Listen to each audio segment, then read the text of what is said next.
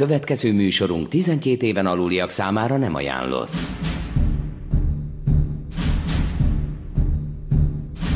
Eddig a múltnak szólt a hétlövetű, mostantól a jelennek. A mesterlövészek közel ezer arra érdemes filmalkotás után most a premiereket veszik célba. A hét mesterlövész legenda volt. Rádiós színházunk most bemutatja a folytatást. Most azok jönnek, amik mennek. Kezdődik a jó, a rossz és a nézhetetlen. Itt a 90.9 Jazzin.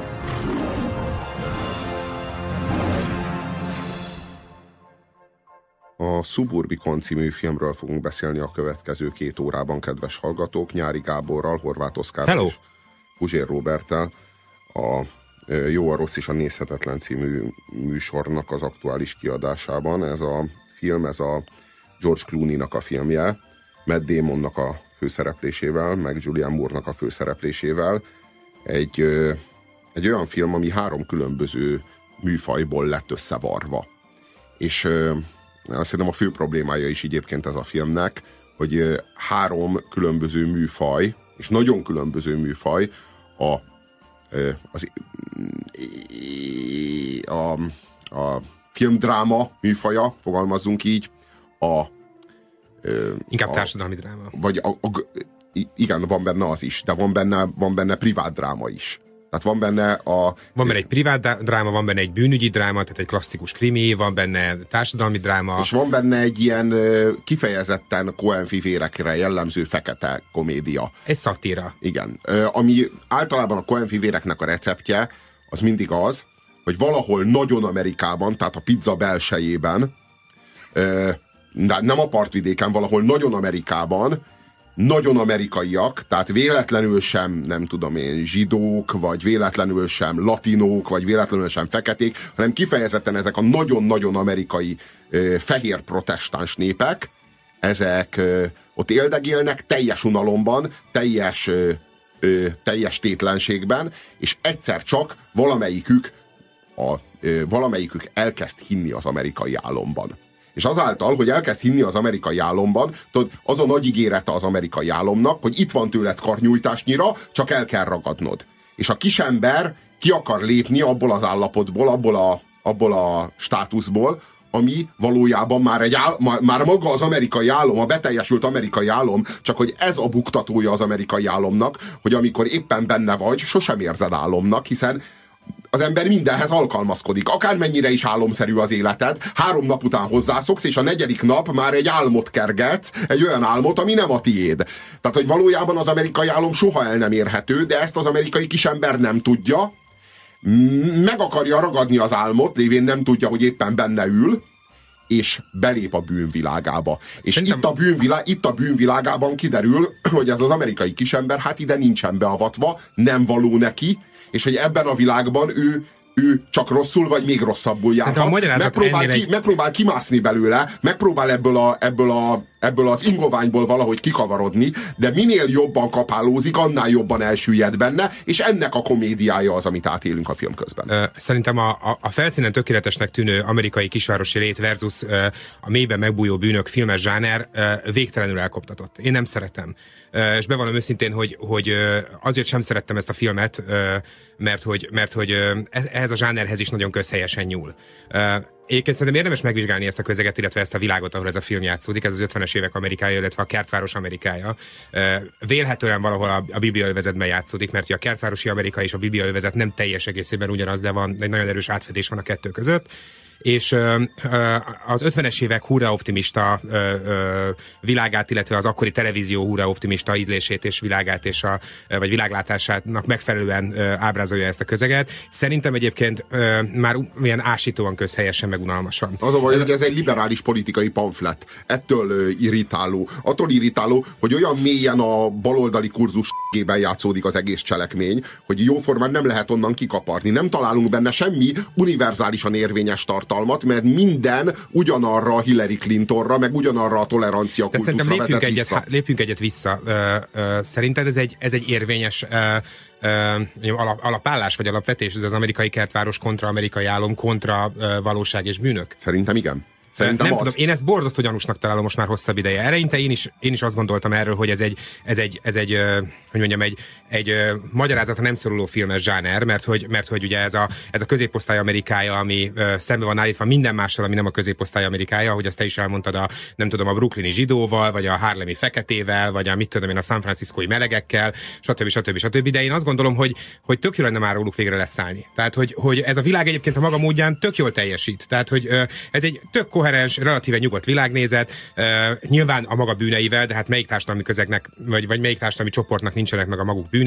Ö, ráadásul azt gondolom, hogy ezek a bűnök a legtöbb esetben nagyon is, hogy mondjam, megint csak ásítani valóan emlékeztetnek egymásra, tehát nem nagyon gondolom, hogy a, a Brooklyn zsidók bűnei annyira eltérnének mondjuk a, a Bibliai övezetben megbújó ö, ö, amerikaiak bűneitől, vagy éppen a feketék bűneitől. Nyilván van egy csomó ilyen etnikális jellegzetesség, de hogy alapvetően azért ugyanarról beszélünk, mégis mindig ők vannak kipécézve, mégis mindig a fehér középosztálybeli amerikai a bűnös. Nem a fekete, nem a zsidó, nem az indián, nem a meleg, nem a nem tudom. Én ezt a zsánert már borzasztóan unom. Nem azt mondom, hogy helyezzük át a hangsúlyokat, félértés ne essék, csak a zsáner számomra már rémisztően unalmas. a kertváros Amerikájával kapcsolatban a tényleges és helytálló és mm, rendkívül magas színvonalon kivitelezett kritikát, azt az én szememben a Sam Mendesnek a filmjei hordozzák, mondjuk az amerikai szépség, ami, ami kifejezetten ezt a témát dolgozza fel, és szerintem nagyon helyesen és jól. De ott van például a, a Truman Show? nem, nem a Truman Show, az nem Sam Mendes film. Nem, de azt mondom, hogy például ott van a Truman Show, ami, Ja, ami igen, számomra értem, ennek a értem, de zsánernek az, nem- egyik azt, de, de azt szerintem meg nem erről szól. Az, az Erről egészen- is szól. Tehát a, az ezt a közeget szememben, ami- használja megint csak a Truman Show arra, hogy ábrázoljon valamit, ami végletesen hamis, ö, ö, ö, egysíkú és ö, a valóság elleplezésére szolgál. Mondom, nekem a Truman Show-nál vált egyébként a dolog egy picit gyanúsá, és aztán vált egyre gyanúsabb. Egyébként nálam a Ken Parknál borult meg az egész. Annál a filmnél, ami megint csak nem akart mondani mást, mint azt, hogy a mélyben megbújó bűnök. És ehhez a, a díszlet mindig az amerikai kertváros. Szóval a Szabadság útjai az egyik ilyen film, amiről, besz, ami, amiről érdemes beszélni, hogyha az amerikai kertvárosnak ezt a, ezt a ö, sötét oldalát keressük. Ugye ez az a film, amiben Leonardo DiCaprio és Kate Winslet újra együtt játszik, miután a Titanicban elsüllyedtek. E- e- Mégis megúszta. Ez, a, e- ez, az a, ez az a film... Végig tudtam, ö, í- nagyon reménykedtem. Na, az a, az a film arról szól, hogy nem jutnak el Európából Amerikába.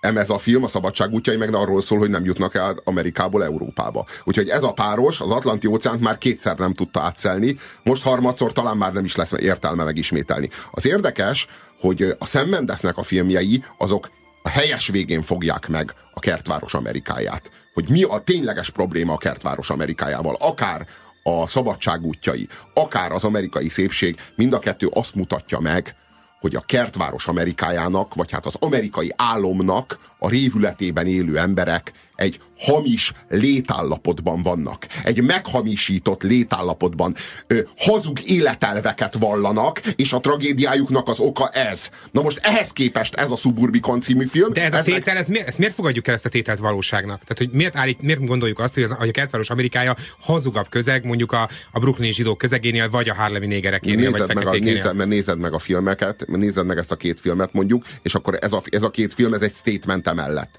Hogy ez Értem, hogy ez egy statement emellett, és ez egy állítás, És csak, szerintem, csak és szerintem szerintem érvényes állítás, és szerintem érvényes állítás, és szerintem, szerintem helytálló állítás. A lényeg az az, hogy ez a film, a Suburbicon, most erről lehet vitatkozni, csak akkor más filmekről beszélünk. A Suburbicon szerint nem ez a probléma a kertváros Amerikájával. Nem a hazug létállapot a probléma a kertváros Amerikájával, hanem az a probléma, hogy a kertváros Amerikája rasszista, utálja a feketéket, ebből fakadóan nincs szíve, gonosz veleig, és, és, és valójában semmiféle szolidaritásra nem képes.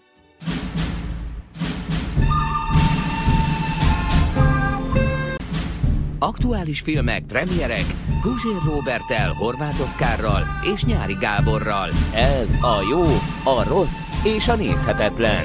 Itt a 90.9 Jazzin. A Suburbicon című filmről beszélgetünk, és egyelőre a kertvárosok Amerikájáról, arról a, arról a hazugságról, ahol az amerikai álmot mindenki elbábozza minden nap. Szó volt arról az előbb, hogy az amerikai álmot meg sem lehet élni, de rögtön megélheted, amikor rémálomba fordul, tehát teszem azt a bűnvilágába süllyedsz, és abban a kontrasztban, amikor kiemelnek téged az álomból, amelybe beleszülettél, akkor onnan hátrébb lépve rögtön látod a különbséget, hogy ó, áhá, értem, ez volt ez az álom, milyen jól aludtam benne. A másik lehetőség arra, hogy átéld az amerikai álmot, amikor mondjuk 30 évig élsz Európában, Kelet-Európában, akárhol, és kivándorolsz az USA-ba, és szépen önként belealszol ebbe az álomba, akkor te érzékeled ezt az álmot, de a gyerekeid egy bevándorlónak a gyerekei lesznek a mondjuk nyolc meg, megkülönböztethető társadalmi lépcső közül a legalsó ö, csak magadnak nyered meg a különbséget. Csak te fogsz kapni egy érettségivel és egy pénztáros állással három autót és négy fürdőszobát. A gyereked nem fog elkülönbözni úgy a társaitól, mint ahogy te elszáguldottál a hazádból, és megkaptad cserébe érte az életminőséget. Én azért érzem nagyon fontosnak, amit mondtál, illetve hogy, hogy behoztad a kivándorlás kérdését is, mert hogy a, az amerikai kertváros folyamatos ostorozása közben azért azt elfelejtjük, vagy az amerikai kertváros világának folyamatos ostorozása közben, hogy azért tulajdonképpen mindenki ide vágyik. Ez olyan, mint a, mint a, a, a folyamatosan haldokló nyugat, eh, ahol ugye tudva lévőleg verik a négereket, de azért a, a kelet-európai blokkból mégis mindenki ide emigrált, és nem, a, nem ide próbált rohanni mindenki az Egyesült Államokból. Tehát azért az amerikai kertváros szerintem azért szorul bírálatra, és nem azért, mert hamisabb lenne a többinél, hanem azért szorul bírálatra, mert azért mégiscsak az elérhető világok legjobbika. Azért tulajdonképpen az, az átlagpolgárok javarésze, nyilván a Robit és az Oszit meg engem kívül meg a hallgatókat, de azért az átlagpolgár javarésze tökéletesen megelégedne azzal a léttel, amit az amerikai kertváros nyújt. A biztonsággal, a békével, igen, a biztonsággal, a békével, a kiszámítható élettel, a relatív gazdagsággal, a, a két autóval, a közeli plázával, a viszonylag jó iskolákkal. És, és azzal a, a hazugsággal, és, hogy úgy nem mész ki az utcára, hogyha monoklíg vagy verve, hanem napszemüveget veszel. Igen, úgy, hogy, úgy, hogy a férjed most erőszakolt meg, úgy nem mész ki az utcára, ha nincs rajta gyöngysor. Vagy nincs a kezedben Biblia? A, a, meg tudod, az az álom a, arról az amerikai kertvárosról, ahol nincsenek kerítések, hanem a kertek egymásba érnek, mert nincs kitől védeni a kertet meg a házat. Hiszen nem laknak ott feketék. Hiszen, hiszen, hiszen, csak, hiszen egymás között vagyunk egymás között vagyunk. Most ez a nem laknak ott feketék, ez ilyen kifejezett, kifejezetten George Clooney is világmagyarázat Persze, hát most provokálni próbáljuk. Igen, tehát hogy arról van szó, hogy egymás között vagyunk. Mi mind az amerikai álom részesei vagyunk, mi nekünk nincs mit ellopni egymástól, mert mi mind azon a jóléti nívón állunk, ahol már, nem, már, már nincs mit egymás szájából De ez kinéznünk. egy díszlet, Robi, tegyük hozzá, hogy amikor végigmész egy ilyen kertvárosi utcán, akkor nem, nem látod a kerítéseket, de a backyard fogalma, a hátsó kerté, az ott van, és a hátsó kertek a legtöbb ilyen ö, ö, helyen el vannak kerítéssel választva egymástól. Tehát ugye az házaknak az eleje és itt most nem arra gondolok, hogy nem arra gondolok, hogy mondjuk valakik egy ilyen kondominiumban laknak, tudod, sorompós őrzés, és bemész, és illetéktelenek, akik nem ott laknak, azonosítás nélkül be sem mennek, ott aztán tényleg nincsenek kerítések. De az egyébként a köz számára bárhogy megközelíthető, külön nem védett kertvárosi zónában, elől nincs kerítés, olyan jól néz ki, ahogy mész az úton, de a ház oldalának a közepétől mindenki épít hátulra egy kerítést, hogy a hátsó szomszéddal, illetve az oldalsokkal hátul, ahol már a medence van, ahol a fűnyírót tartom, és el lehetne lopni, ahol be lehet osonni a grillezésre, és levenni két kolbászt a rácsról, az már el van kerítve. Uh-huh. De hátul, tehát eldugjuk a színfalak mögé, pontosan úgy, ahogy a problémáinkat is Na igen, az egész, az egész amerikai kertvárossal ö, tulajdonképpen ez a tényleges probléma, és a Sam Mendes mindig e felől közelít, és azért nagyon fájdalmas ez a, ez a Suburbicon című film, mert ez meghirdette azt, hogy na itt most megmutatjuk a kertváros igazi problémáit. Na itt most alávilágítunk a kertvárosnak, és sikerült teljesen mellé világítani. A, a, a tényleges probléma az ez, hogy az egész egy díszlet, hogy az egész egy homlokzat, hogy valójában ez Amerika kirakata. Amerika ezt kínálja az egész világnak, ennek a kényelmét, ennek a biztonságát, ennek az, ennek az ideális státuszát, hogy valójában mit állít a kertváros? Hogy itt Amerikában nem kell életmód kompromisszumot kötnöd. Semmiet. Azért nem értek egyet, Robi, azzal, hogy nem foglalkozik a film ezzel a hazug képmutatással, mert egyrészt egy házban egy családi és bűnügyi dráma zajlik, amely háznak a falain kívül erről senki nem tud semmit, pedig tömegek vannak 10 méterre. Másrészt zajlik egy ilyen etnikai dráma, amelyről akinek éppen nem dolga oda menni tüntetni, az nem vesz tudomást, sőt maga a támadott család is úgy, úgy tudod, úgy viszonyul hozzá, hogy nem veszek tudomást, bár az mondjuk az ő, az, az ő harcmodoruk mondjuk. De akkor ezek szerint az amerikai kertváros valóban csak díszlet, nem pedig egy társadalmi probléma.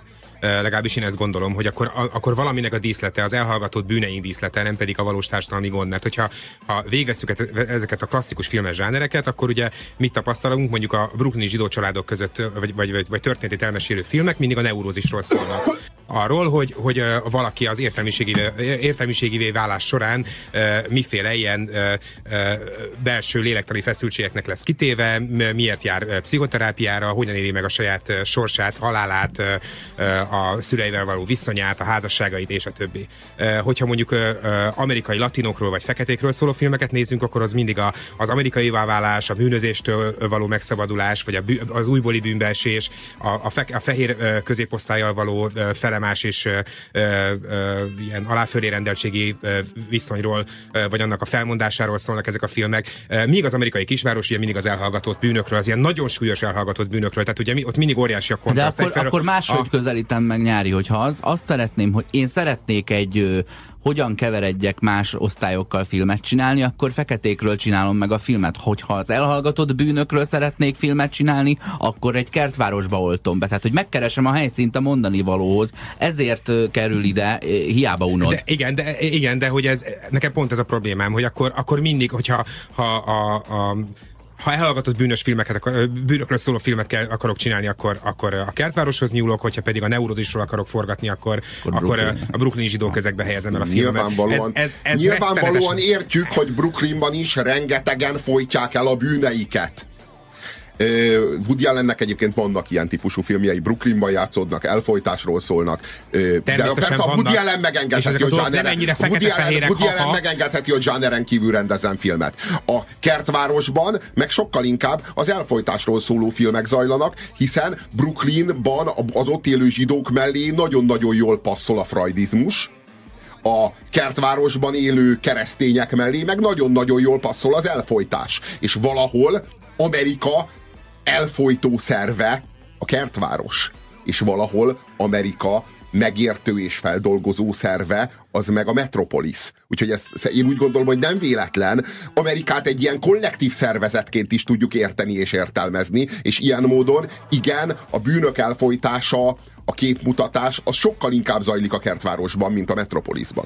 Van egy eleve felépített, a te fejedben már létrejött image arról, hogy milyen a kertváros. Hogyha olyan történetet akarok elmesélni, ahol kellenek az arcok, akik elől elrejted a titkaidat, akkor oda fogom tenni, mint ahogy a biztosító társaság logójába teszek egy oroszlánt, mert akkor azt majd külön nem kell elmagyaráznom, hogy amúgy az oroszlán az ilyen erős, meg bátor, tudod? Hogy, hogy, hogy ezek, a, ezek a díszletei ennek a színdarabnak. Én nem tudom, én ebben érzek egy ilyen bűntudatagitációt, tehát hogy, hogy, hogy ez arról szól, hogy bezzegők is, bezzegők sem. Hogy, hogy az elérhető világok legjobbikában is fertelmes bűnök feletülnek az, az ott élők, csak, csak ez nagyon ritkán kerül a felszíne, mert ez a, ez a, ez a társadalmi réteg épp elég erős és hatalmas, és épp elég erős érdekér, érdekérvényesítő ahhoz, hogy ezeket a bűnöket elfolytsa, vagy ne engedje felszínre törni. Félretés ne essék, nem gondolom, hogy ez a világ jobb lenne bármelyik másik világnál, pont ez a bajom, hogy azt gondolom, hogy ez a világ nem jobb, de a többi sem jobb ennél. És, és én mondom, tehát én már unom ezt a, ennek a dolognak, a- vagy ennek a helyzetnek a közhelyességét, és igazából a, a suburbikon sem tesz mást, mint hogy, mint hogy újra ebbe a környezetbe helyezi ezt a filmet. de, de, de, de hagyjuk már ezt az értelmiségi fintorgást, hogy bármi valamiről szól, akkor nyári unatkozik. Könyörgöm, hogy Bocsánat, szól ez az róla? egész műsor hogy egy értelmiségi róla? fintorgás. A terészedről, ja. Hogy szól róla? Érvényes módon szól róla, érvényes dolgokat állít róla, vagy érvénytelen dolgokat állít róla, vagy merő politikai propaganda céljaira használja elindul fel. egy, Itt elindul ez egy film, ahol, van, ahol egy amerikai kisvárossal kezdünk, ahol nyilvánvalóan elhallgatott bűnök lesznek. Én ezt borzalmasan unalom. Ez olyan, mint amikor meg, meghallom, de nekem, de, de nekem egyáltalán azt, nincsen bajom azzal, hogyha egy érvényes... Meghallom azt a bizonyos zenét, és feltűnik a gazdagréti lakótelep, akkor fogod tudni, hogy pont, hogy miről lesz szó, de milyen hogyha... problémákkal kell szembenéznünk, és mi lesz a, vég, a feloldás a, a, a, a filmben ábrázolt helyzetnek. Én, engem ez baromira zavar. De engem meg, engem meg az zavar, hogyha nem azt nézzük, hogy, hogy mit mond el a film, hanem azt nézzük, hogy már megint miről szól. Én azt gondolom, hogy a kertvárosból érvényes módon lehet az elfolytásról, meg az elhallgatott bűnökről beszélni, attól függ, hogy melyek azok az elhallgatott bűnök, és attól függ, hogy azokkal az elhallgatott bűnökkel ránk akarnak-e varni egy csomagban egy politikai ideológiát, vagy nem. Tehát ide mindig az a kérdés, hogy itt most az elhallgatott bűnökkel akarunk szembenézni azért, hogy megtisztuljunk, és azért, hogy megértsünk valamit és feldolgozzunk valamit, vagy egyszerűen csak bűntudatot akarunk kelteni, és ehhez a bűntudathoz jó erősen hozzá akarjuk kapcsolni egy csomagban azt a politikai ideológiát, amit itt és most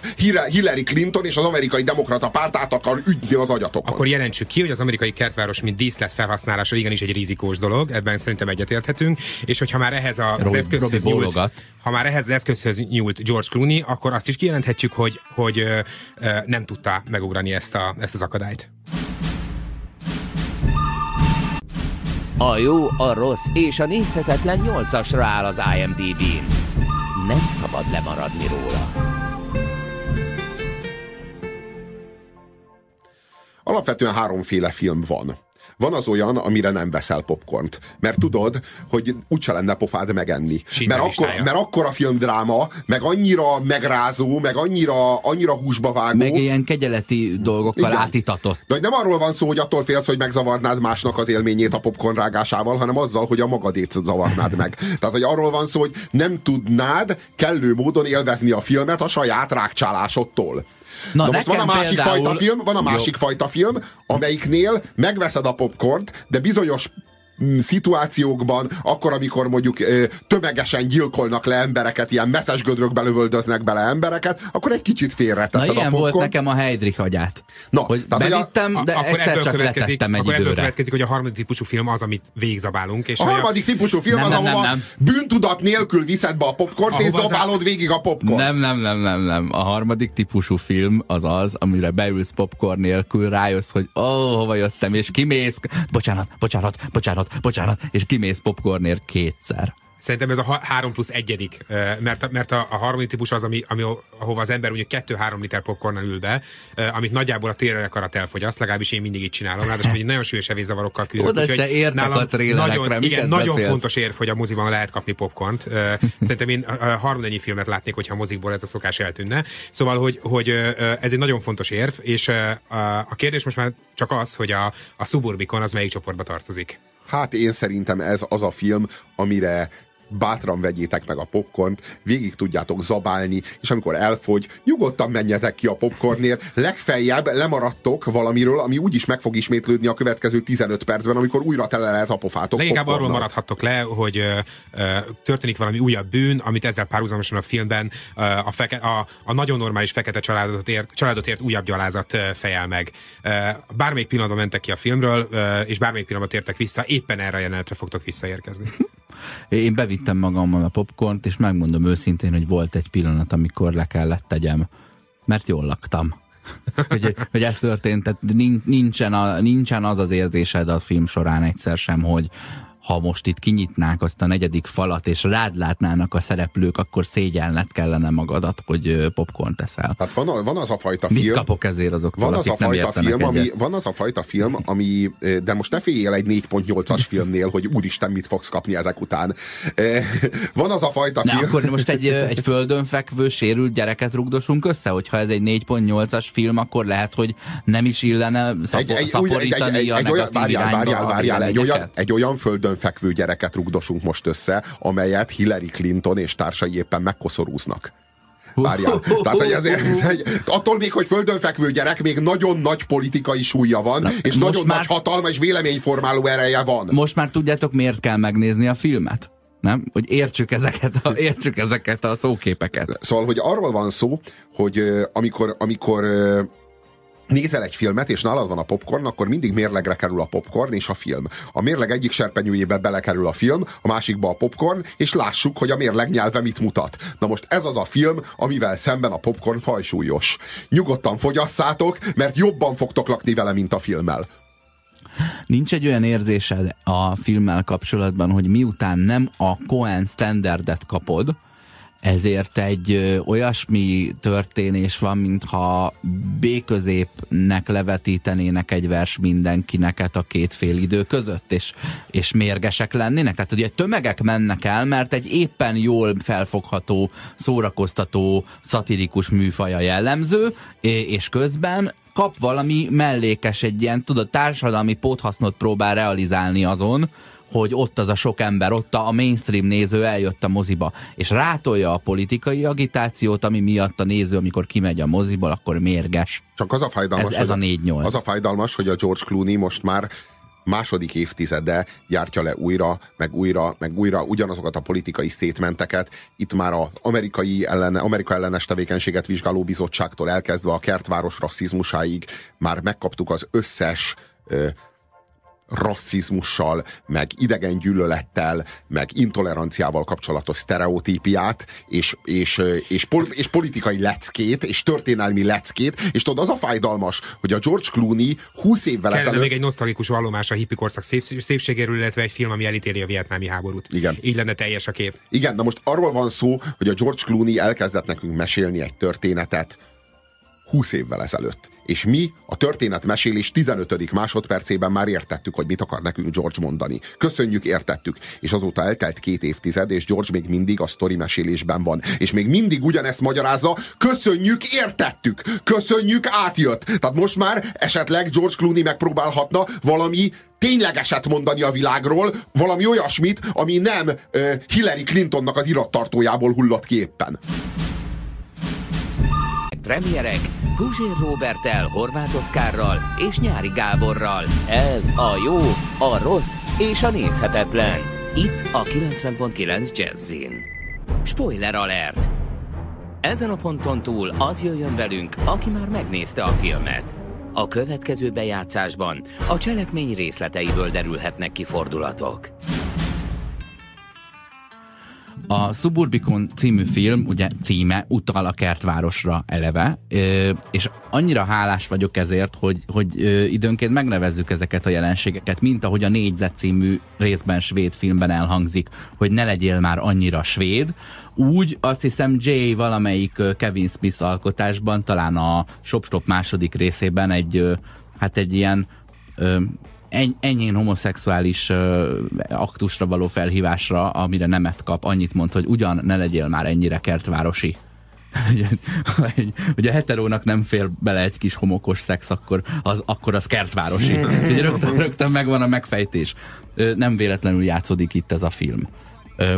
Miről is van szó George Clooney rendezése, és Robi, ezt szerintem úgy jöttél ki a moziban, hogy ezt nem is voltál vele tisztában, hogy Cohen fivérek által írt forgatókönyv, csak így kijöttél és mondtad, hogy hát kaptunk egy Clooney rendezést, egy kicsit Cohen fivérek filmet, és még valamit. Ja, ja, ja, ja, ja. Mert valójában, És tényleg. Mert valójában a, ma annyira átüt, én tényleg nem tudtam, hogy Cohen fivérek írták, de mennyire nem csodálkozom rajta. Tehát, hogy az, amikor az amerikai kisember úgy gondolja, hogy átgondolja, tudod, a tökéletes büntényt, de egyedül mégsem tudja végrehajtani, hanem megbíz vele tényleges nehéz fiúkat a tényleges amerikai alvilágból. Ez, ez már tudja, hogy Cohen fivérek. Tehát itt már a fejedet ráteheted, hogy Cohen fivérek. Hogy valódi bűnözőket bízol meg a saját kistílű ö, ö, kistílű bűncselekményednek, Azért amit el, elterveztél. A, hát igen, de a Ne- Fargo, ne a ré- Fargónak, a a Fargo, Fargo tökéletesen Fargónak ugyanez, erre tehát a az Fargo. Fargo analógiája. Aha. Na igen, egyébként végtelenül kis stílű, még hogyha gyalázatos is. Vég, végtelenül kis stílű és végtelenül alávaló az egész. Ö, olyan, olyan ö, tudod, ezek a bűnök, amiket itt el kell folytani, ezek a bűnök nagyon jellemzik ezeket az embereket. Azt hiszem, hogy minden embert nagyon jellemeznek a bűnei. Milyen bűnökbe esel bele? Hogy ezek a kertvárosi emberek, ezek a, ezek a végtelenül, végtelenül ö, alacsony metafizikai ö, státuszba zsugorodott emberek, ezeknek a bűnei is ilyen, ilyen, vé, ilyen végtelenül alávalóak. hogy igazából ö, az álmaik is, meg a, meg a, meg a, a bűncselekményeik is olyanok, kicsit, mint az ilyen, mint az ilyen, ilyen gonosz, gonosz gyerek, gyerekeknek valahogy nem, valahogy nem tudnak igazán a, a, saját maguk számára meghatározott keretekből igazán kitörni, pedig valójában ki hát, akarnak törni. Mivel, mi ez az álom? Mivel az elfolytás alapvető élmény ebben a közegben, most picit szemben megyek azzal, amit korábban képviseltem, szóval miután az elfolytás alapvető élménye ennek a közegnek, ezért az történik itt is, mint általában az ilyen indulatszülte bűncselekmények esetében, ez egyébként egy ilyen kriminalisztikai közhely, hogy a, a rajta kapott betörő a kisebb súlyú bűncselekményét, tehát a betörést egy jóval nagyobb súlyú bűncselekménnyel, mondjuk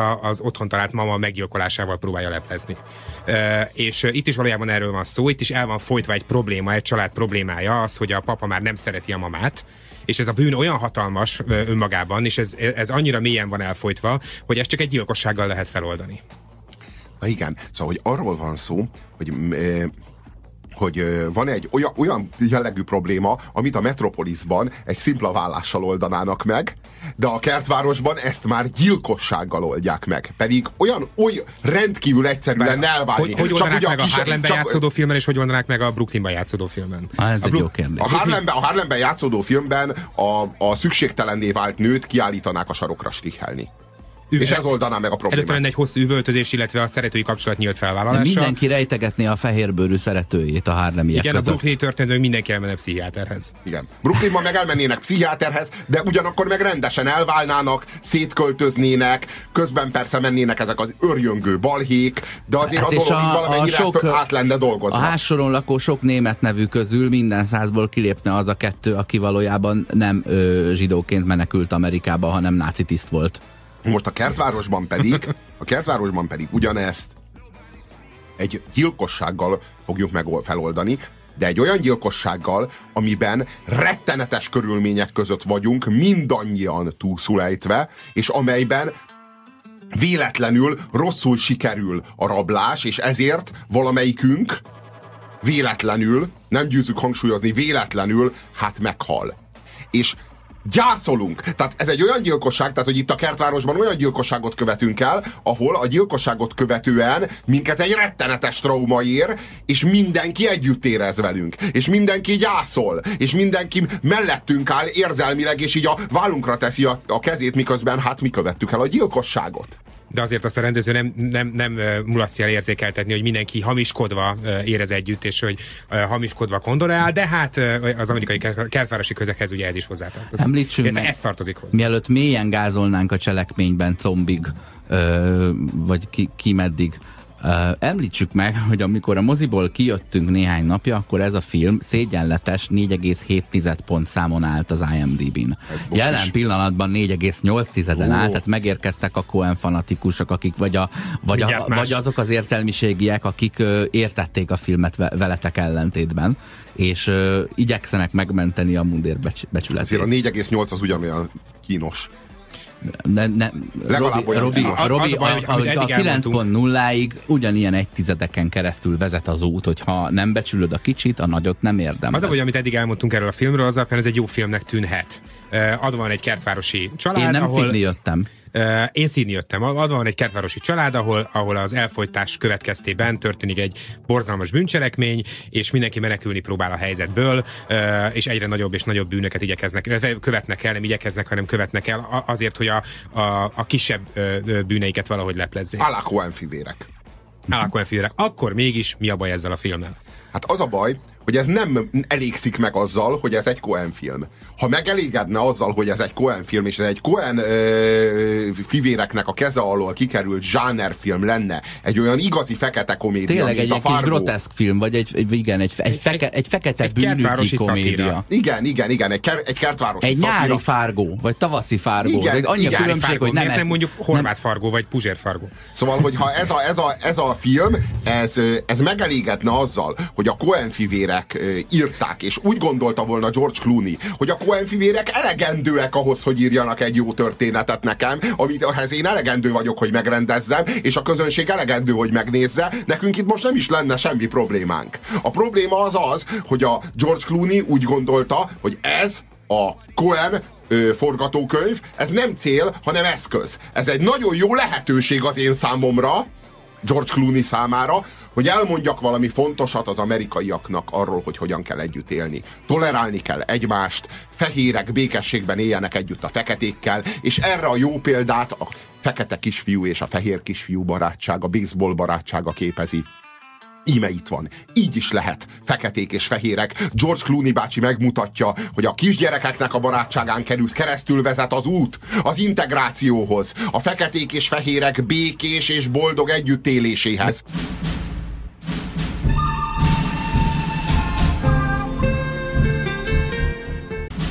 Aktuális filmek, premierek Guzsér Robertel, Horváth Oszkárral és Nyári Gáborral. Ez a jó, a rossz és a nézhetetlen. Itt a 90.9 Jazzin. Spoiler alert! Ezen a ponton túl az jöjjön velünk, aki már megnézte a filmet. A következő bejátszásban a cselekmény részleteiből derülhetnek ki fordulatok ki képviseli a normalitást egyes egyedül ebben a történetben, de tényleg egyes egyedül viszont vegytisztán, az a, a fekete család, akik a városban Nekem költöznek. a gyerek. Nem, az az igazság, hogy a két kisgyerek. A, két a fekete kisgyerek. és a fehér kisgyerek. Hát azért azt ne felejtsük el, hogy az a fekete asszony és a fekete férje is uh, elképesztő türelemmel, uh, hihetetlen kitartással, álhatatossággal, némán és, és... Tűri a saját megaláztatását. Ez már túlmegy Ez... minden határon. Tehát megkaptuk a leckét a, a, a, a, a, a Martin Luther King tiszteletesnek a az életéből és sorsából. Értjük, hogy hogyan kell élni. Úgy kell élni, úgy kell működni, mint hogyha egy normális országban élnénk, és akkor az ország majd egy nap normális lesz. És ez a fekete család, ez így próbál élni. De itt ebben a filmben ez már átlépi a komolyan vehetőség határát. Tehát, hogy itt ez már olyan mértékűvé válik az álhatatosságuk és a türelmük, itt már gyakorlatilag azt érezzük, én a filmnek a derekán már azt éreztem, hogy ez már nem egy reális döntés. Ez már nem egy észszerű vagy életszerű döntés, hogy egy olyan házba költözöl, egy olyan környékre, ahol mindenki gyűlöl téged, az autódat földgyújtják, a kerítést építenek a házad végébe, onnan gyakorlatilag ostrom alatt van a házad, és akkor eközben te próbálsz úgy csinálni, mintha normális életet Teregetsz élnél, teregetsz, meg egy kis vaníliás cukrot raksz a süteménybe. Tehát, hogy de... arról, arról van szó, hogy ezt már nem nyaljuk be. Tehát azt érezzük, hogy ez már nem a normális és reális viselkedés, hanem azt érezzük, hogy itt most ebben a helyzetben innen elköltözni, erről a környékről elköltözni, felmondani ezt az ingatlant, felmondani ezt az álmot, hogy én feketeként a fehérek között fogok a kertvárosban élni, ez az egyetlen reális döntés, és hogy egyáltalán nem meg, megfutamodás, vagy egyáltalán nem egy, egy gyávaság, hanem egyszerűen csak tudomásul vétele a körülményeknek, meg annak, hogy milyen országban, meg milyen környéken és... élek, és hogy hova költöztem. És valójában a nagy probléma az, hogy a George Clooney itt és most ezzel a filmmel az elemi észszerűséget támadja. És azt állítja, hogy mindazok, akik az elemi észszerűség jegyében olyan környéken akarnak élni, ahol őket emberszámba veszik, azok valójában gyávák és nem harcolják meg azt a harcot, amit a mi hőseink, ez a fekete család és King tiszteletes megvívtak. De most a legfontosabb és a, a, a történetmesélési a legnagyobb hibája az az, és ez persze egy ahogy az imént mondtam, spoiler veszély, de muszáj elmondanunk, az a kérdés, hogy ugye milyen módon függ össze a, a, az átlagos fehér középosztálybeli kertvárosi család története a fekete család történetével. És a válasz az az, hogy semmilyen formában. Nincs uh-huh. a kettő között kapcsolat. Két De. film fut már egymás mellett párhuzamosan. Az nem, van egy, a kapcsolat van egy a kettő között, az évtized, és van egy borzasztó didaktikus kapcsolat. Van egy, egy didaktikus ilyen... kapcsolat az elvek mentén, hogy itt az értékek és az erkölcs mentén. Ugye itt van kétféle bűn. Az egyik bűn a rasszizmus, a másik bűn az pedig a feleséged meggyilkolása. És ugye itt van kétfajta, kétfajta súlyos büntetés. Az egyik, ami érted jön, a biztosítási, biztosítási nyomozó és a rendőrség képében, a másik, ami érted jön, annak az Amerikának a képében, amely élhetetlen és lakhatatlan. És a nagyon súlyos probléma, hogy ez a két erkölcsi ö, maxima, ez össze lett csomagolva itt nekünk ebben a filmben. Tehát egybe lett csomagolva a rasszizmus és a gyilkosság, és a rasszizmusból kivezető út a humánum, és a gyilkosságból kivezető út a transzparens megvallás szintén egybe lett kapcsolva. Nekem ez továbbra is ilyen történetmesélési lobotómia, mint ahogy mint hát át lenne vágva tényleg a, a kapcsolat a, a, az, a, a a történet alkotó egyes féltekék között, vagy a, vagy a mesét alkotó egy, ö, ö, féltekék között. Mert, hogy, mondok, neked, mert, hogy... mondok neked valamit, mert ez a groteszkbe jól illeszkedik, ö, mégpedig azzal, hogy, a, hogy abszurd ö, Dan ábrázolja az ignoranciát. Tehát, hogy a film sem vesz tudomást arról, hogy egy fajüldözés történik a szomszédban, hiszen a történet nem erről szól. Így oda teszi, és végig zavar téged, hogy de hát akkor azzal a szállal mi van, minek kellett ez az egész Igen, bele. ez egy Coen film. És azért, mert az egész 50-es évtizedben minek kellett ez a, ez a ö, hatalmas méreteket öltő rasszizmus, és hányan leélték az egyébként akár bünténnyel, akár családi drámával, akár szerelemmel teli életüket úgy, hogy ö, 10 méter erre mondjuk ez zajlott. Tehát körülbelül egy ilyen, egy ilyen installációnak Igen, el csak, tudom fogadni csak benne. ez egy Cohen film, és az ember azt gondolná, hogy a, hogy a, hogy a didaktikán kívül, vagy az agitáción kívül van, az ilyen filmeknek van valamiféle ilyen, hogy mondjam, szórakoztató funkciójuk is. Mondjuk valamilyen módon összekapcsolni a feketék körül zajló drámát a, a, a fehér családban zajló drámával. Valamilyen módon folyjanak bele a szülők, a gyerek, vagy akkor ők folyanak át valahogy a feketékhez, kérjenek segítséget, bújtassanak el náluk. A film az összes lehetséges ilyen megoldást. Nagyon kevés szállal van összefércelve ez a két történet hogy mondjam, ilyen elszánással kerüli, és gyakorlatilag kapunk két filmet, aminek ráadásul nem, egyetlen ponton mégiscsak összekapcsolódik a két történet ott, hogy minél súlyosabb bűnöket követnek el a fehér családban, annál intenzívebben támadják a fekete családot a, a, a, kertvárosban. Aha. Tehát, hogy, hogy ha, ha még csak egy, egy ember hal meg, akkor még csak kerítést vannak a házuk köré, de ha már több ember hal meg, akkor már felgyújtják az autójukat, és már szemetet öntenek be nap, mint nap a kertjükbe. Azt látjuk, hogy az előző nemzedék fehérei és feketéi gyűlölik egymást egymást, vagyis a fe- fehérek gyűlölik a feketéket, a feketék meg rettegnek a fehérektől, de ők a king tiszteletestől tanult magatartáshoz tartják magukat. Ugyanakkor a gyermekeik már jó barátok, már baseball barátság szövődik köztük, tehát a fekete kisgyerek és a fehér kisgyerek, ugye a mi nemzedékünk, vagy hát a, a szüleinké. Jó, hívjuk így, hogy a szüleinké, már, már kitermeltek Sidney Poitiéket, ugye? Tehát ott már ember számba vették a feketéket. Tehát a szüleink nemzedéke, mondjuk a, a, a, az amerikai ö, ö, társadalomban már képes volt az együttélésre. És mit állít ez a film, hogy ennek mi az útja? az a fajta álhatatos kitartás, amit a fekete család abban, akik Mást is állít. Mást is állít. Ö, ö, ahogyan ők viselkednek. Na jó, de ez miféle erkölcsi maxima? Hogy élj egy ostromlott házban, és ott ö, a... Van egy másik, van egy másik állítás pillanat, is. Robi, egyrészt egy másik állítás, hogy ezzel a világgal csak akkor tudunk szakítani, ha a, te, a mi saját előző generációnktól teljesen elvágjuk magunkat és elfelejtjük. Másrészt pedig annak is emléket állít a film, hogy bizony ez nem így volt, hogy amikor már nagyon a széléig eltoltuk ezt, ezt, hogy ellenállok azért, hogy én ide költözhessek feketeként, és már nagyon súlyos a helyzet, akkor inkább fogom magam és elköltözök, mert egyszerűen ez az egyetlen racionális következő lépés, hanem nem lépték meg ezt rengetegen, és ők, őket ott agyonverték és meglincselték. A jó, a rossz és a nézhetetlen hármasra áll az IMDb-n csak tudnám, miért kell minden sikeres brandről még egy bőrt lehúzni. Spoiler alert! Ezen a ponton túl az jöjjön velünk, aki már megnézte a filmet. A következő bejátszásban a cselekmény részleteiből derülhetnek ki fordulatok. Suburbicon című George Clooney filmről beszélünk, ami amellett, hogy ö, ö, erős társadalom kritikával él az amerikai kertváros irányában, amellett egy nagyon kemény politikai agitációt folytat. Az jó ízlés határain messze túlmenően. Matt Damon játsza a főhőst, az ő feleségét pedig Rose-t, illetve Margaretet, mert itt a feleséget és a sógornőt ugyanaz a Julian Moore játsza. Rose és Margaret személyisége hát nagyon különböző. Bár ugyanaz a színésznő játsza őket, ők ugye egy petéjű ikrek a történet szerint, de az egyikük az, az nagyon elüt az ott élőktől. Ugye ő Róz, ő a család jó szelleme. Ő az, aki, ő az, aki a fekete kisfiúval küldi baseballozni a saját fehér kisfiát, annak ellenére, hogy a kisgyerek nem akar a fekete gyerekkel baseballozni. Na menj csak szépen! De az ő különbözőségének is van egy nagyon jól látható és nyilvánvaló jele. Hiszen megrokkant de hát már mielőtt megrokkant, már azelőtt ő jó volt. Tehát, hogy valójában itt ebben a történetben vannak a jók, hogyan mérjük a jót? A jóságot? Hogyan mérjük a jót? Mi a lakmuszpapírja a jónak? Megvizsgáljuk, hogy hogy áll a fekete emberhez.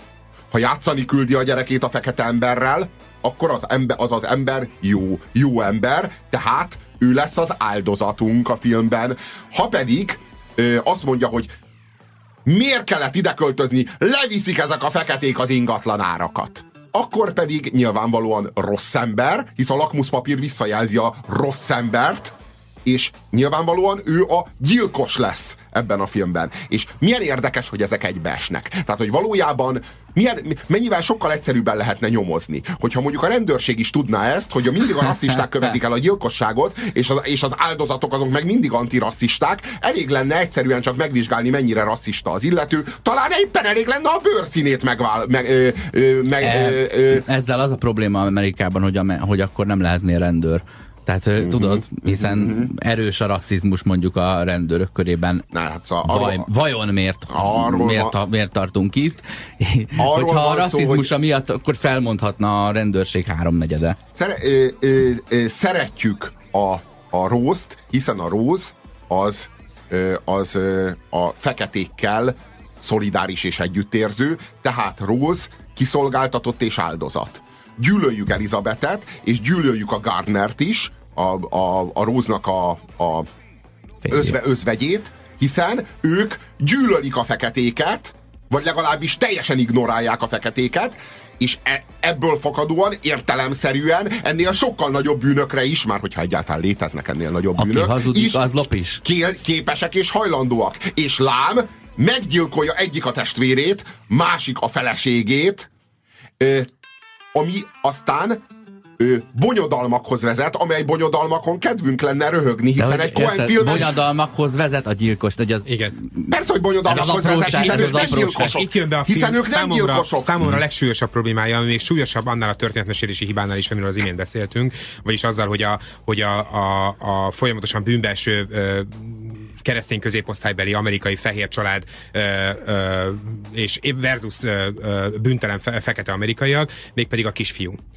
Ebben a filmben, ennek a filmnek a tulajdonképpeni főhőse egyébként nem a két, tehát nem a Julian Moore és nem az őt alakító, ez a férjét alakító Matt Damon, hanem, hanem a, a kisfiúknak sajnos nem jut eszembe a, a kisfiút alakító színésznek a neve, aki egyébként semmi más nem tesz ebben a filmben, mint hogy elszenvedi az őt ért elképesztő és nyilvánvalóan az egész életét tönkretevő helyrehoztatlan traumákat.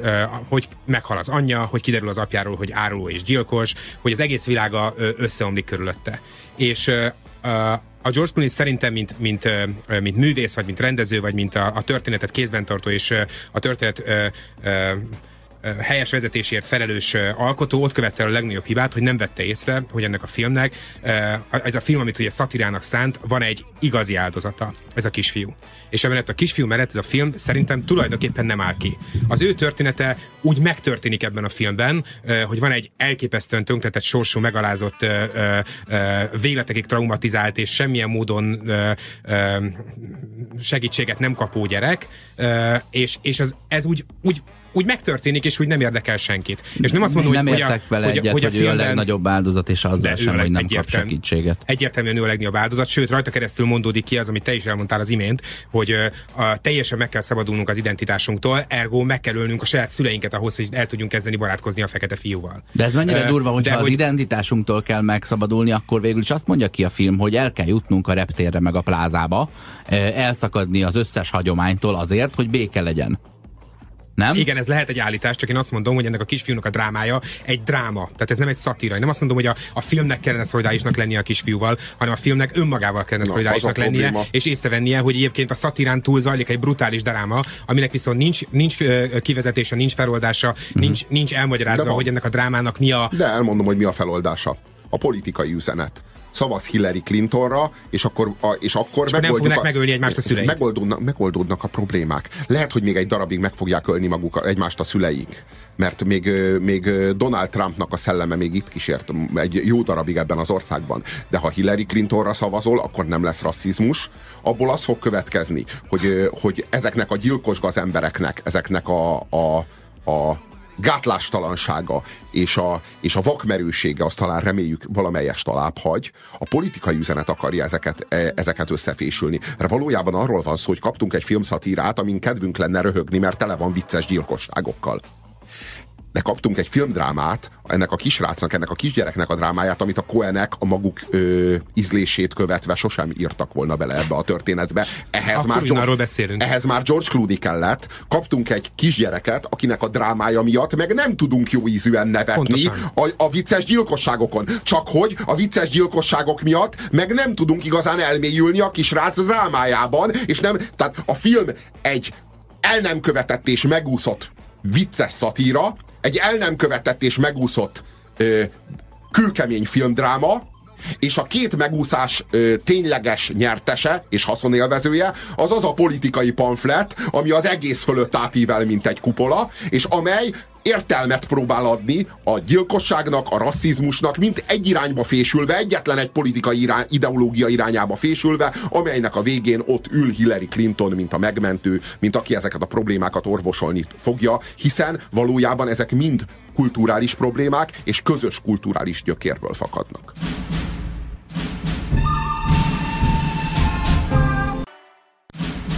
Aktuális filmek, premierek, Guzsér Robertel, Horváth Oszkárral és Nyári Gáborral. Ez a jó, a rossz és a nézhetetlen. Itt a 90.9 Jazzin. Spoiler alert! Ezen a ponton túl az jöjjön velünk, aki már megnézte a filmet. A következő bejátszásban a cselekmény részleteiből derülhetnek ki fordulatok. A Suburbicon című filmről beszélünk, Nekem az a legsúlyosabb problémám ezzel a filmmel, hogy nem a történetből indul ki. Egy jó, eset, jó esetben egy film úgy készül, hogy a rendezőnek vagy a forgatókönyvírónak van egy fontos története, amit el akar mondani a nézőknek. És a történetből indul ki a munka. Na most itt pedig nem ez történt, ugye? Értjük, hogy a, hogy a George Clooney-nak nem volt sztoria, de volt egy nagyon erős, fontos, politikai statementje, amit el akart nekünk mondani. Azt, hogy a rasszizmus rossz, az, hogy az integráció jó. És ne, de nem volt történetem, mert igazából ezen kívül nincs sok mondani valója a George Clooney-nak. Ezért, egy... ezért fölfogadta a Cohen fivéreket, hogy írjanak egy jó kis Cohenes történetet, amit ő majd bele fog ágyazni a saját tolerancia operájába. Nem tudom, hogy ez történetileg így történt. De, de ez történt. De ez történt. A, a, az élmény, amit a Robi átél most, és én ezt felfogtam, az az, hogy a, az aktuális tolerancia kampány, hilleriskedés és pécéskedés az belefosott egy Cohen filmbe. De nem, arról van szó, hogyha neki van egy saját története, amit el akar mondani George Clooney-nak, amit tényleg érez, hogy fontos, és itt és most el kell mondani Amerikának, akkor mondja el. Csak hogy Clooney-nak nincs ilyen története, mert ha lenne, akkor nem kéne fölbérelni a Cohen fivéreket. Neki nincs ilyen története, felbéreli hát a Cohen fivéreket, hogy írjanak egy olyan jó kis vicces, Cohenes, fekete komédiát az amerikai kertvárosba, és ő hozzávar egy fekete családot, egy, egy fekete ellenes pogromot, hozzávar egy egy kisgyereket, aki, aki, a, aki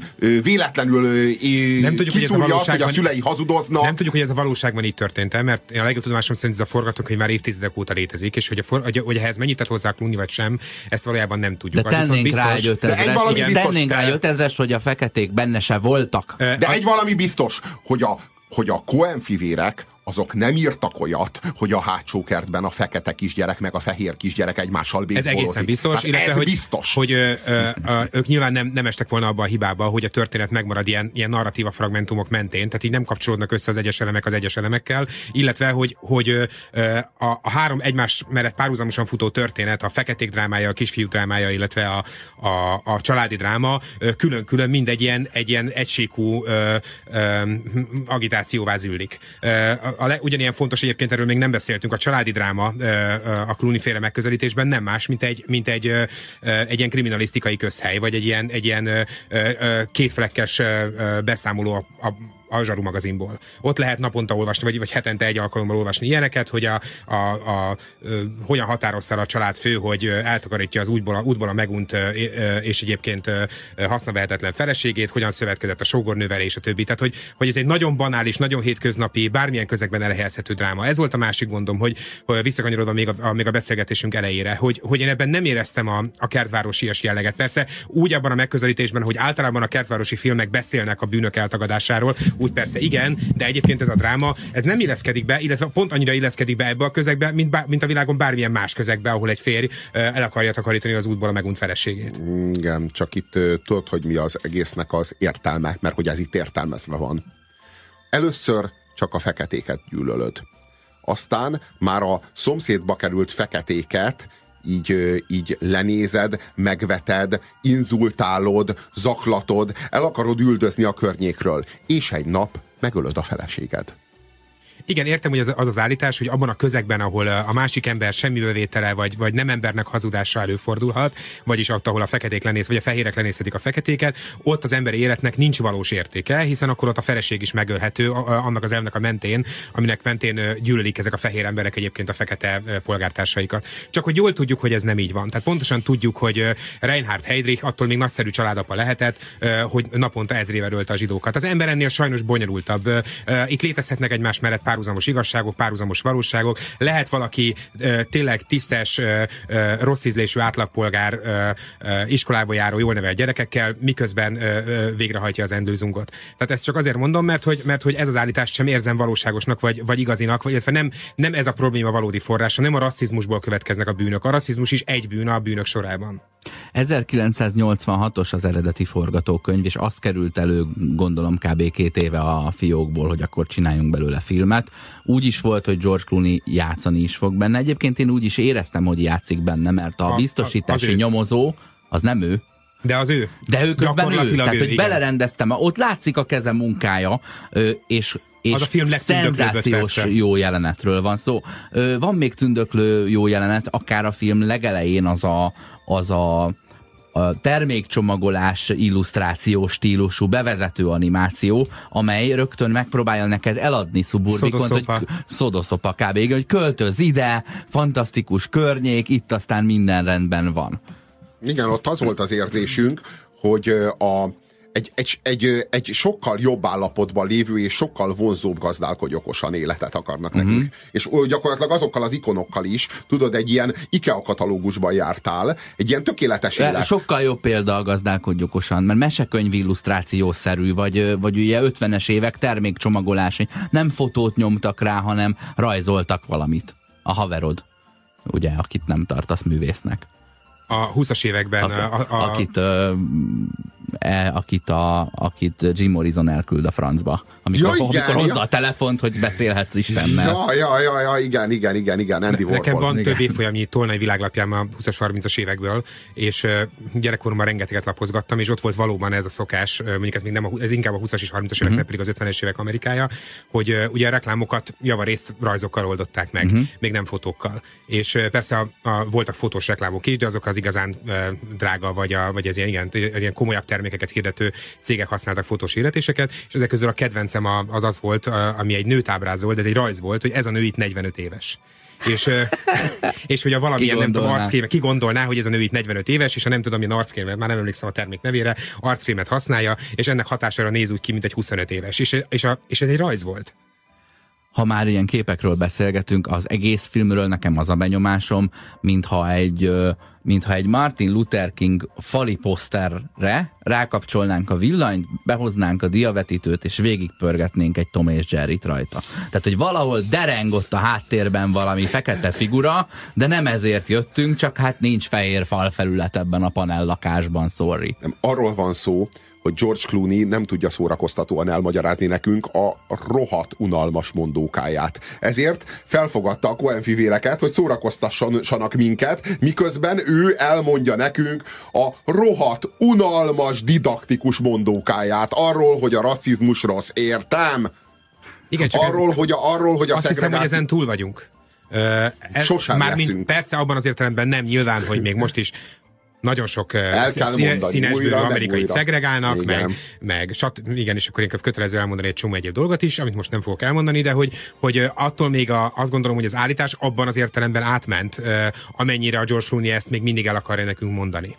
A legnagyobb bajom valójában ezzel van, Ez hogy a szemünket nem... felnyitni már nem kell. Ez, ez nem így működik, csak tudod, ők úgy gondolják, hogy ez így működik, hogy még súlykoljuk, akkor majd megértik. Hogy ez már nem a mennyiségi súlykolás mértékével lesz megértve, hanem ez már tényleg csak egyszerűen nincs türelmük hagyni, hogy a rossz vér lefolyjon, és hogy egyszerűen a kollektív szellem megújuljon. És tudod, mi a legsúlyosabb probléma? Hogy nem hisznek igazán az elemi erkölcsben, ezért ezt mindig lefordítják nekünk erre az ilyen lerontott ócska PC erkölcsre. Tudod? Tehát, hogy ők mindig a PC-t adják át, mindig a nyelv síkján ö, szankcionálják a beszédet, sosem a jelentés síkján, sosem az embert akarják megváltoztatni, amilyen, hanem mindig az ember viselkedését és működését akarják megváltoztatni. Tehát tudod, mindig az a problémám velük, hogy azt érzem, hogy az 1984-et hajtják végre újra, de úgy, hogy most mellé jár egy csomag zappehely.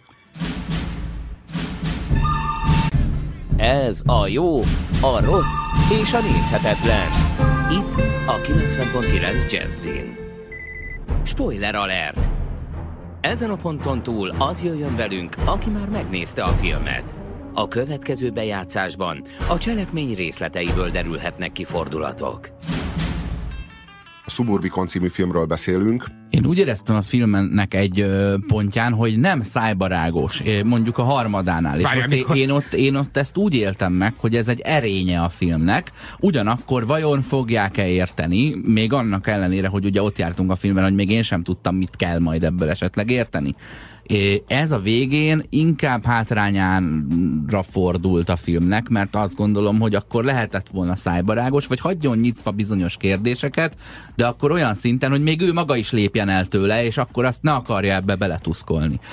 Azoknak mindenképpen ajánlanám a filmet, akik mondjuk valami 50-es évek design pornóra vágynak. Tehát akik élvezik Ó, azt, a- hogy a, a hogy a Stranger. Thingsben mondjuk ö, olyan 80-as évek közepi konyhabútorokat lát, meg autókat lát makulátlan állapotban, amelyek már az enyészetté, vagy a proli nappali életté váltak. Túl makulátlan An- állapotban. A, igen. An, annak ugyanezt az 50-es évekből az ilyen egybefalambériákkal és képkeretekkel és fali szőnyegekkel és egyéb tárgyakkal, meg Háztartási eszközökkel és gyönyörű meg, autókkal. Meg, igen, fémlemezből gyártott leme, gyerekjátékokkal ezek, ezeket megkapja, és ez vonatkozik a film elejé animációra is, meg a bevezető jelenetekre, ahol ugye elvisznek eb, eb, erre az új környékre, vagy új telepre, ami tudod, városok szélén szokott kialakulni, ahol 12 évig nem látsz egy fát, ami mell, mell, mellnél tovább érne, egy ilyen pusztába kiköltöznek a családok, és utána ott leélik azt a minta életet, mintha egyébként a száz éves ö,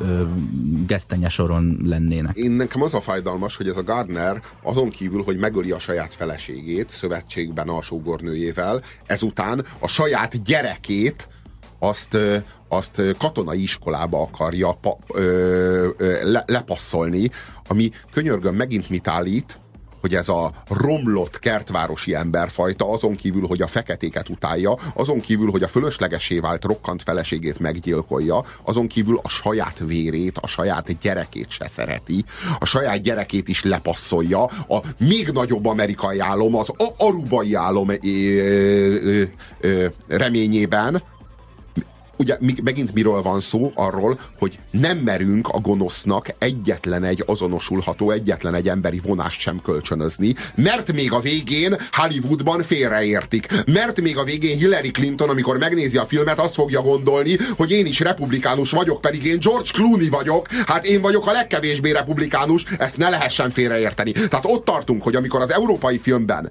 már a Bukás című filmben, már Hitlernek is merünk emberi vonásokat adni, már megmerjük mutatni, hogy szerette a kutyáját, hogy udvarias volt a titkárnőjével, az amerikai kisvárosban élő Gardner, akit a a Damon játszik, még mindig démonikusabb. Tehát már ott tartunk, hogy, a, hogy az amerikai kisváros gyilkosát démonikusabbnak ábrázoljuk pusztán, mert rasszista, mint az amúgy hát egy fokkal rasszistább Adolf De Hitler. ez a, ez a vonás, ez jobban hozzátartozik szervesen a fő cselekményszálhoz, és el tudom hinni, hogy ez a Cohen műnek a része, ellenben ugye a rasszizmus vonallal, amely lehet, hogy a Cohen mű része, csak máshol is írták róla az interneten, hogy annyira leesik róla, mintha utólag utólag tuszkolták volna hozzá a 86-os. De, tényleg azt gondoljuk, hogy 1986-ban a Cohen fivérek beleírták a fekete kisgyereket, meg a fehér kisgyereket, Simán lehet. az, De akkor is ki van zárva. Igen, de akkor is azt gondolom, legalábbis ezt megerőlegezzük a Cohen, Cohen fivéreknek, hogy a Cohen történeteknek igenis az a lényegük, hogy a jól kivitelezett bűncselekmény, vagy a, vagy a fordulatos ö, ö, ö, esemény ö, ö, legnagyobb fordulatát a, a, a pontosan az emberi vonások adják, illetve a, az emberi viselkedés kiszámíthatatlansága adja. emberi, az emberi, mindegyik az emberi minőségtelenséget járja körbe. Csak egyik se akarja ilyen direkt módon és ilyen pofátlanul szavazatokra váltani a demokrata párt számára. Tehát a, az, emberi, az emberi minőségtelenségnek a szemléje az mindig egy rohadt kemény társadalomkritika Amerikával szemben minden Coen filmben. Csak hogy ebből egyetlen egy Coen film sem próbál, főleg nem ilyen ízléstelen módon politikai hasznot facsarni. Nyilván nem lehet remélni George Clooney-től, hogy fel fogja rúgni a még a 20-as években lefektetett hollywoodi történetmesélési zsánereket, tehát hogy a, a gonosznak ugye el kell uh, buknia, a, a gonosz csak is gonosz lehet, és nem tud más lenni. Azért számtalan, szinte minden Hollywood filmben tetten érhető azért egy csomó olyan uh, forgatókönyvírói fordulat, ami, ami nem tud más lenni, pontosan a hollywoodi zsánerből és a hollywoodi uh, forgatókönyvírói iskolák uh, uh, módszereiből fakadóan. Egyébként én uh, életem egyik legfurább uh, uh, hollywoodi zsánerrel szembe menő filmélményét egy bollywoodi filmnek köszönhetem, uh, ami, ami arról szólt, egy, egy klasszikus, a Robi által legjobban megvetett uh, uh, ilyen szerelmi komédia volt, ilyen fordulatos szerelmi komédia. Repülőn nézted? Uh, há, nem, uh, az indiai filmhéten az örök mozgóban 20 évvel ezelőtt körülbelül. Akkor nincs a, mentség. Igen, nincs semmiféle mentség. Uh, a lényeg az, hogy, hogy uh, három órás volt a film, és az első másfél óra egy klasszikus amerikai, illetve egy klasszikus bollywoodi uh, romantikus komédia ötvezete volt. Arról szólt, hogy a két uh, szerelmes, a szegény fiú és a gazdag lány, tehát a más kazba tartozó gazdag lány és az alacsonyabb kazba tartozó fiú, hogyan találnak lassan egymásra, közben énekelnek, közben táncolnak, és, és, a le, és az összes ilyenkor szokásos zsáner megtörténik. Ám a film másfeledik órájára a fiú megszerezte a lányt. És a film, film három órás volt összesen. És a következő másfél órában arról szólt, hogy az ő, a film, hogy az ő házasságuk menthetetlenül rossz. Mert Csodálatos. Ez csodálatos, olyan csodálatos. csodálatos volt a film, hogy Ez nem viszont hogy csodálatos, mert, olyan e- élmény volt, mert ami- ezt a második részt, ezt egyetlen hollywoodi romkom esetében sem Pontosan. készítik el. Arról szólt, hogy a két eltérő kaszthoz tartozó fiatal sorsa ne, nem tud, ö, ö, sőt, csak nagyon kevés ponton tud valójában összekapcsolódni. A fiú nem tud mit kezdeni annak a családnak a gazdagságával, sikerességével, az általuk elvált életmóddal, míg a feleség egyre kellemetlenebből érzi, kellemetlenebbnek érzi a folyam, fokozatosan alkoholistává váló szegény parasztfiú közelségét. És a második, második felében, a film második felében is táncolnak, meg énekelnek? Ott csak. Ott már nem, mert ott már semmi keresni valója nincsen. Mert ott dekonstruálják a hazugságot, amit az első egész másfél órában egész Bollywoodot, az, vagy nem emlékszem már a film címére, egész Bollywoodot és egész Hollywoodot dekonstruálja ez a film. Egy olyan gesztus tesz, amit egyébként én nagyon kevés hollywoodi filmnél éreztem eddig, sőt, tulajdonképpen még egynél sem. Suburbicon, ezt nézzétek, vagy ne nézzétek. Robi szerint? Hú, hogy ez hányas film a tízes skálán, én a négyesnél nem adnék többet erre. Kemény. Én a, a tényleg nagyon eltalált design miatt 4,5-öt adnék rá. Aha. Ö, én jól szórakoztam, és undort éreztem, és néha gyönyörködtem, és közben zavart ez, hogy, hogy egy másik képre rávetített képet nézek, és ezért nehéz értelmeznem, mint amikor ilyen kamerával felvett filmet nézel. Tudod, csak itt valami más volt, ami elterelt. Ö, nem tudom, ha pontoznék, akkor azért olyan hat körül járnék, de nem teszem ennek ellenére végig lehet szenvedni a filmet, és akkor megértitek, hogy, hogy mi ez az értetlenség bennünk. Vicces hogy miért, pont- miért láttunk két filmet, amikor egyet szerettünk Vicces a pontozás föl nem vállalása, úgyhogy tulajdonképpen pontozol. Zseniális terv. Igen, itt most már csak az a kérdés, hogy te hatosoztál, vagy a hatos oszizott. Két micsoda, egy rossz indulatú szemét emberrel ülök egy, Hot- egy stúdióban a, hatos leg, bezárva. a hatos legközelebb is elhozzuk, aztán majd meglátjuk, hogy lesz-e szó Oscarról. Köszönjük a figyelmeteket. Sziasztok! Sziasztok. Sziasztok! A kézműves street food hétlövetőben szezonális helyi alapanyagokból főzünk hétről hétre. A jó, a rossz és a nézhetetlen. Minden szombaton délután 5 és 7 óra között a 90.9 Jazzy.